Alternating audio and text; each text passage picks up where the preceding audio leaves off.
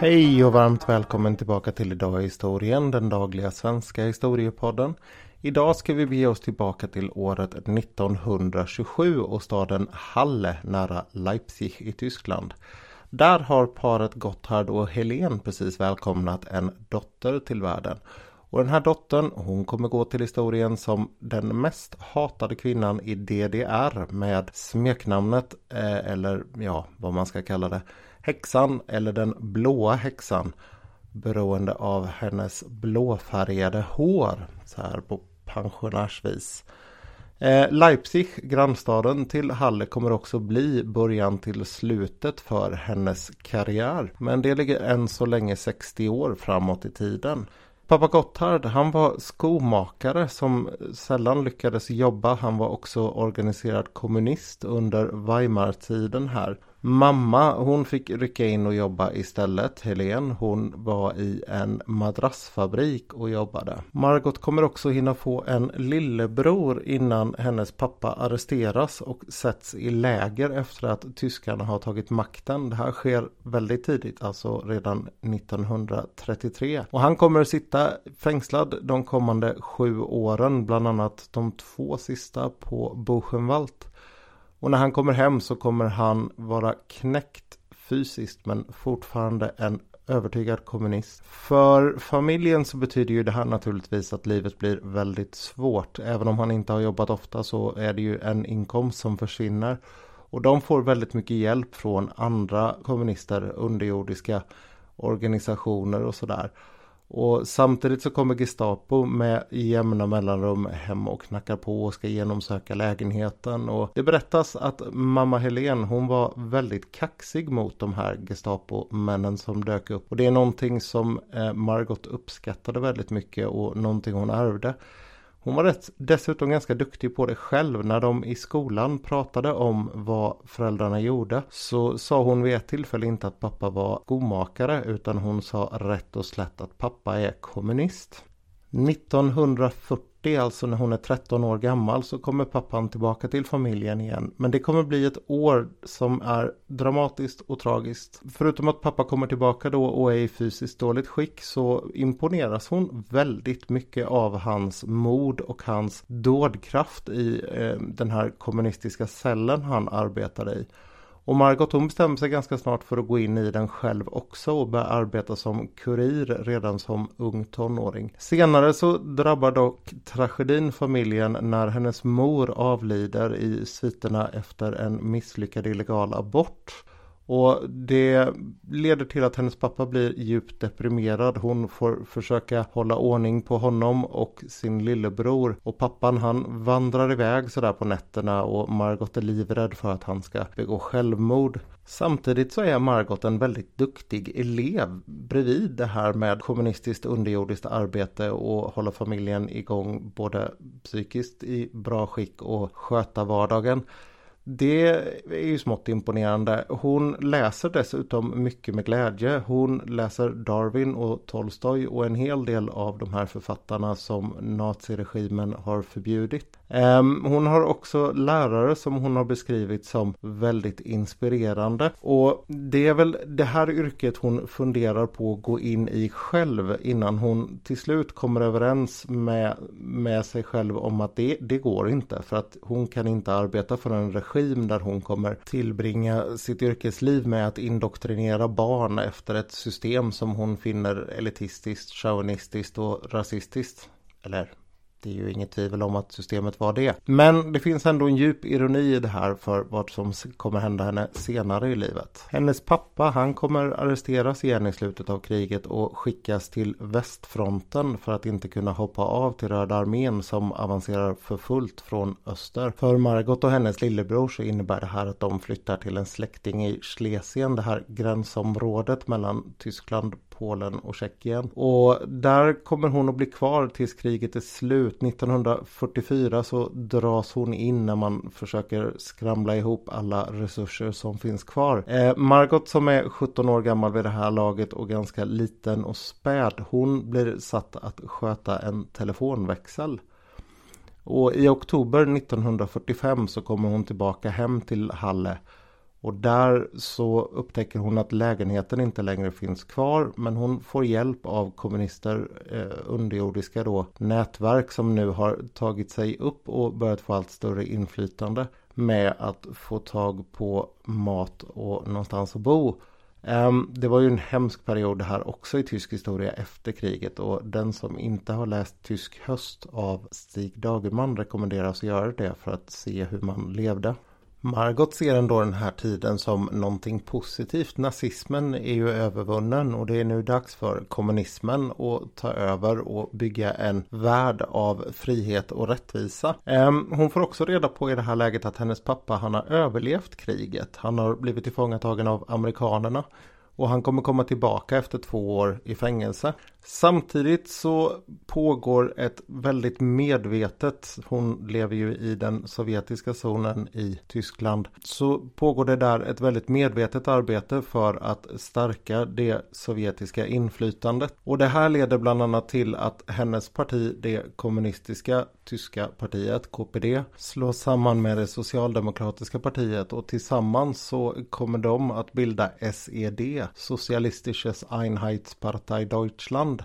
Och det är det partiet som sen kommer att bära makten från att Östtyskland bildas 1949. För Margot så innebär det här möjlighet till en kometkarriär och hon tar den. Det är fortfarande samma saker som gjorde henne framgångsrik i skolan som driver på här. Hon är smart och hon är karismatisk. Hon är beredd att arbeta hårt.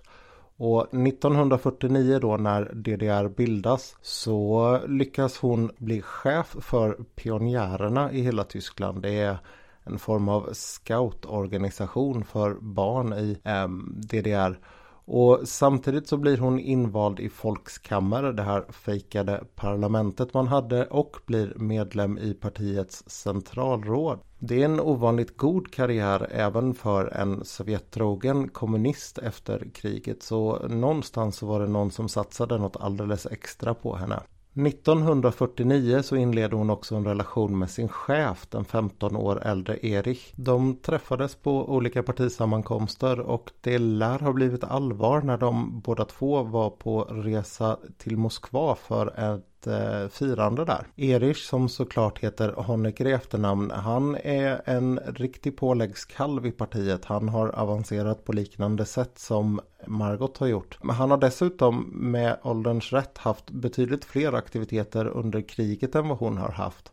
Han blev likt hennes pappa gripen på 30-talet, 35 och sen satt han i läger i 10 år under nazitiden. På något sätt så har han klarat sig där när mängder av andra har avrättats på det fängelset han satt så lär det ha varit 2000 personer som giljotinerades. Erich han är redan gift med en kvinna som heter Edith och de har en dotter som heter Erika. Men Erik, han, eller Erich han säger att han vill skilja sig vilket får Edith att gå i taket. Det kommer dröja ända fram till 1953 innan hon går med på att skilja sig för att han ska kunna gifta sig med Margot. När de väl får möjligheten så gifter de sig väldigt fort. Då har de också en tvåårig dotter tillsammans som heter Sonja. Vid den här tiden så är det alldeles uppenbart att eh, det är Erik som är den uppåtgående personen i landet och att han är tvåa efter ledaren Walter Ulbricht. När de gifter sig så får också Margots karriär en liten extra skjuts. Hon blir beordrad att resa till Moskva för att utbilda sig i mer politik. Det är hon inte helt sugen på att göra med en liten dotter, nygift och sådär. Men hon viker sig för den större saken och åker iväg. Och hon kommer komma tillbaka 1954 och då börja på en helt ny karriär. Innan vi fortsätter med vad den karriären går ut på så är det läge att titta lite på vad som händer i Tyskland överhuvudtaget här. Och det är ju alltså fyra år sedan Tyskland är delat och redan här så ser man tydligt att det går bättre för väst än vad det gör för öst. Det leder till ett stort uppror 1953 i juni. Det klarar inte östtyskarna ut själva utan man får kalla på Sovjet som får komma dit och hjälpa till. Det gör man genom att gå in med armén i flera tyska städer. Upproret det gör egentligen inte särskilt stor skillnad i Tyskland utan det är fortfarande samma folk som kommer fortsätta styra DDR och de är styvnackade gammeldags kommunister och kommer att fortsätta styra på ett väldigt hårt sätt länge. Margots nya karriär den innebär att hon släpper FDJ, den här rörelsen för unga östtyskar som hon har jobbat i länge och istället ger sig in på utbildningsdepartementet eller folkbildningsdepartementet som det hette i Östtyskland. Där så jobbar hon först som ansvarig för lärarutbildningar och tar sedan 1963 över hela ministeriet och blir då utbildningsminister. Erich han har också varit på det här ministeriet men han har gått vidare till nya och större uppgifter och han har bland annat börjat jobba med säkerhetsfrågor i DDR. Det stora problemet som man har vid den här tiden det är inte uppror längre utan det är att folk de drar helt enkelt bara. Populärast är detta att göra genom Berlin för det är inte lika hårt kontrollerat där som det är på andra håll i landet. Och det är unga ambitiösa människor som sticker till väldigt stor del och man räknar med att det är ungefär 300 000 om året när det är som mest. Erik han får då den fantastiska idén att vi ska bygga en mur och sen dra taggtråd genom resten av landet. En historia som jag gissar att ni alla känner väl till. 1971 så kommer han också bli ledare för hela Östtyskland. Han tar över efter Walter Ulbricht. Margot hon är istället kvar i 26 år på sitt jobb nästan ända fram tills muren faller. Och det kommer vara en ganska stor förändring av utbildningspolitiken i DDR under den här tiden. I början så har man någon form av kommunistisk idealistisk idé där man försöker hjälpa fattiga barn från landet, barn till industriarbetare och sådär att komma in på högre utbildningar och få goda resultat i skolan.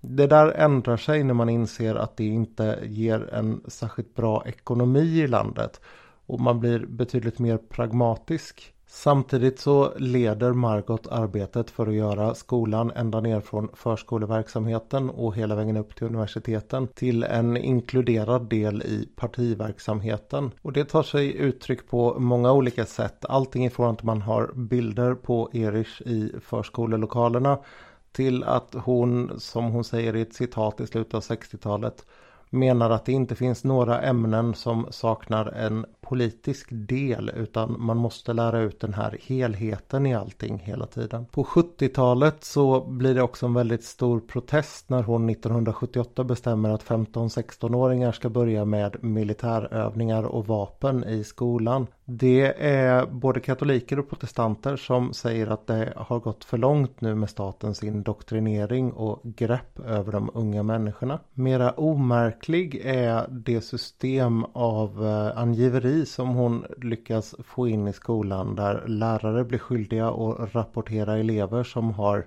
ja, statsfientliga idéer eller vad man skulle säga. Ingenstans tar det här sig eh, brutalare uttryck än vad det gör i Geschlossner Jugendwerkhof Torgau. Det är ett hem som öppnar 1964 och som är direkt underlydande utbildningsdepartementet där där de allra värsta av eh, ja, självtänkarna eller vad man ska säga av ungdomar hamnar. En av cheferna där, Horst Kretschmar, har sagt att det här var initiering av villighet att ombilda sig eller lära om.